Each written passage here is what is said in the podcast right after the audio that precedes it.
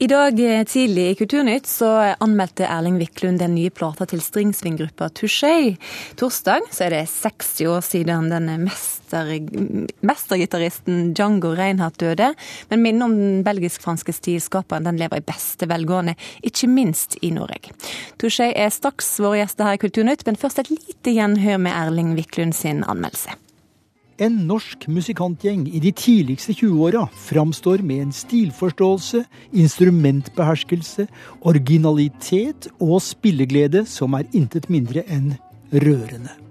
De lever med andre ord opp til sitt krevende bandnavn Touché. Hva gjør de? Først og fremst stiller de med sine nye originalkomposisjoner, de fleste av gitarist Johan Tobias Bergstrøm, og det er spenstige saker. Johan Tobias Bergstrøm og Fredrik Solberg, gitarist og bassist i bandet Touché. Velkommen til Kulturnytt. Tusen takk. Takk for det. Eh, hvordan er det å høre anmeldelsen av plater som dere har jobba lenge og vel med? Eh, det var veldig morsomt, eh, og vi er egentlig veldig fornøyd. Det var veldig, veldig gøy å, å, å få litt tilbakemeldinger på at man, man er en av de unge som kanskje gjør noe nytt da, i, i en sånn stil som er veldig tradisjonell. Og det er egentlig vår første anmeldelse òg. Så, så, litt nervøs når dere skrudde på radioen i dag tidlig? Jeg var veldig nervøs da jeg skrudde på radioen i dag tidlig. Musikksjangeren som dere hører til, kalles stringsving-jazz.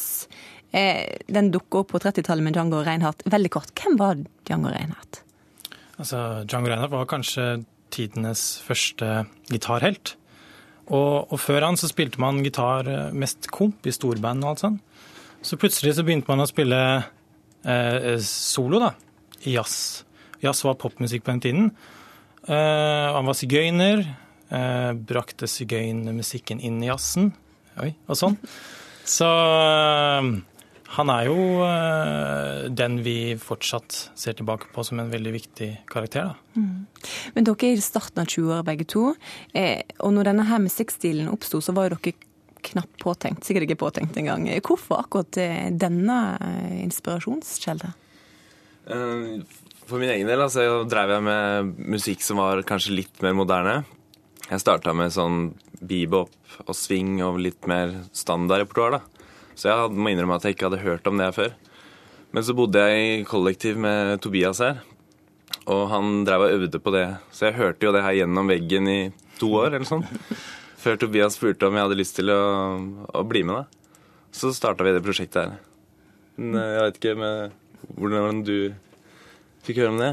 Nei, det er jo da internett, da. Så han er, det er et klipp av Django Reinhardt på, på internettet, på YouTube, så det kan alle sjekke ut. Gammelt eh, videoopptak, sikkert fra 40-tallet.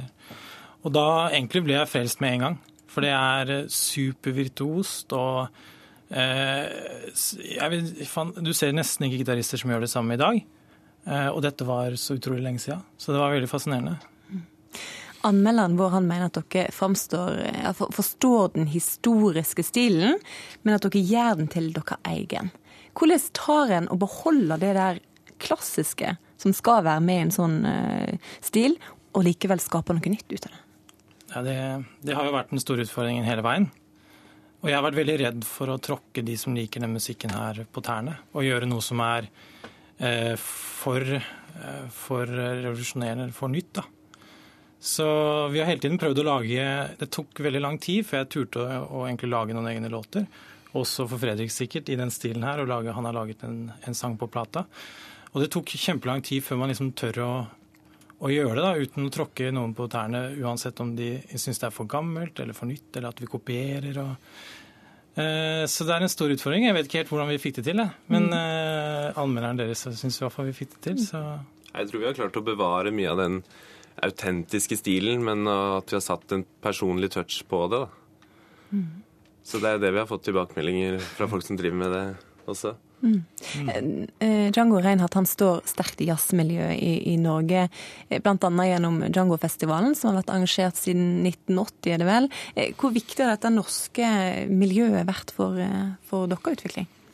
Det har vel kanskje betydd nesten alt. Jeg tror ikke Det hadde vært veldig vanskelig å spille denne stilen uten eh, Jon Larsen og Hot Club de Norvège, som spilte da. Han sto jo på Django-festivalen og solgte plater og prata alltid med alle, egentlig. Så, så, man føler at man eh, egentlig har blitt tatt litt eh, på alvor siden starten. Og jeg spilte der eh, først Jeg hadde spilt denne musikken her i et par måneder, så sjangla jeg meg eller, eh, opp på scenen. Sjangla hørtes litt dumt ut, men jeg var veldig nervøs. Og, og, spilte da selv om jeg så vidt kunne spille, og alle syntes det var topp. Så det har vært et veldig flott miljø i Norge, og det er mange unge som, som driver med det, ikke bare oss andre band som, som, også prøver å gjøre litt ny musikk. Da. Så det har betydd veldig mye, og Django-festivalen er jo eh, Jeg tror det er den eldste eh, over hele verden. I hvert fall en av de eldste eh, som fortsatt driver med den musikken og hvert år. Og, så det er, har betydd veldig, veldig mye. Mm. Og Dere sto på scenen under Django-festivalen eh, i, i, år. Hvordan var det? Jeg syns det var eh, veldig kult. Vi fikk jo mye goodwill. Og folk syntes det var jeg tror folk likte godt at vi kom med noe friskt og noe nytt. Mye egne låter, men at vi samtidig var tradisjonstro. Da. Det var veldig bra stemning, og ble, vi ble møtt med mye goodwill, syns jeg. Mm. Men hvordan er det da å stå oppå scenen, og så ser du ned i salen, og så er det nesten bare voksne mennesker som sitter der? For det er vel strengt talt stort sett et voksen publikum dere spiller for? Ja. Nei, det er jo rett og slett sånn eh, det er. Eh, og man kan si at kanskje det er like greit, for at de er jo fortsatt vant til å kjøpe CD-er. Og de er ikke på nedlastningsbølgen enda, disse gamle, så kanskje det er bra. Nei da, men eh, det er litt spesielt. Men jeg føler at det har blitt eh, flere og flere unge, i hvert fall på Django-festivalen, de siste årene. Og når, jeg, når, vi satt der oppe og spilte i år, så følte jeg egentlig at man kunne se veldig mange unge ansikter. Vanligvis er det sånn at man må lete godt for å se en som, som, er, eh, som er, veldig ung, da, i hvert fall. Selv om det er noen av de òg. Så dere er ikke redd for at publikum dere dør ut, rett og slett? Ja, vi har tøysa med det. Vi, måtte, vi tøysa med at vi måtte få ut denne plata fort, da. Før... det er jo både 80- og 90-åringer som står eh, foran og digger, da. Og de, de kommer jo tilbake på alle konsertene våre, så det er veldig kult. Men så da tenkte vi at vi måtte skynde oss å få ut det her før, eh, før det er for seint. Nå har vi, nå vi snakka om, om, om eh, dere korte, men, men, eh, fine til nå karriere. Men vi vil gjerne høre litt av musikken dere òg. Og da har dere bestemt hvilken låt vi skal spille. Hvilken låt skal vi spille? Eh, snus tenkte vi at dere kunne spille. Og eh, noen tror det er tobakken, så det er alltid en sånn greie vi må snakke om på konsertene. Og det er det da ikke. Det er skrevet på den engelske måten, eller amerikanske måten, der man eh, skal dorme. Men det er også brukt på telefon.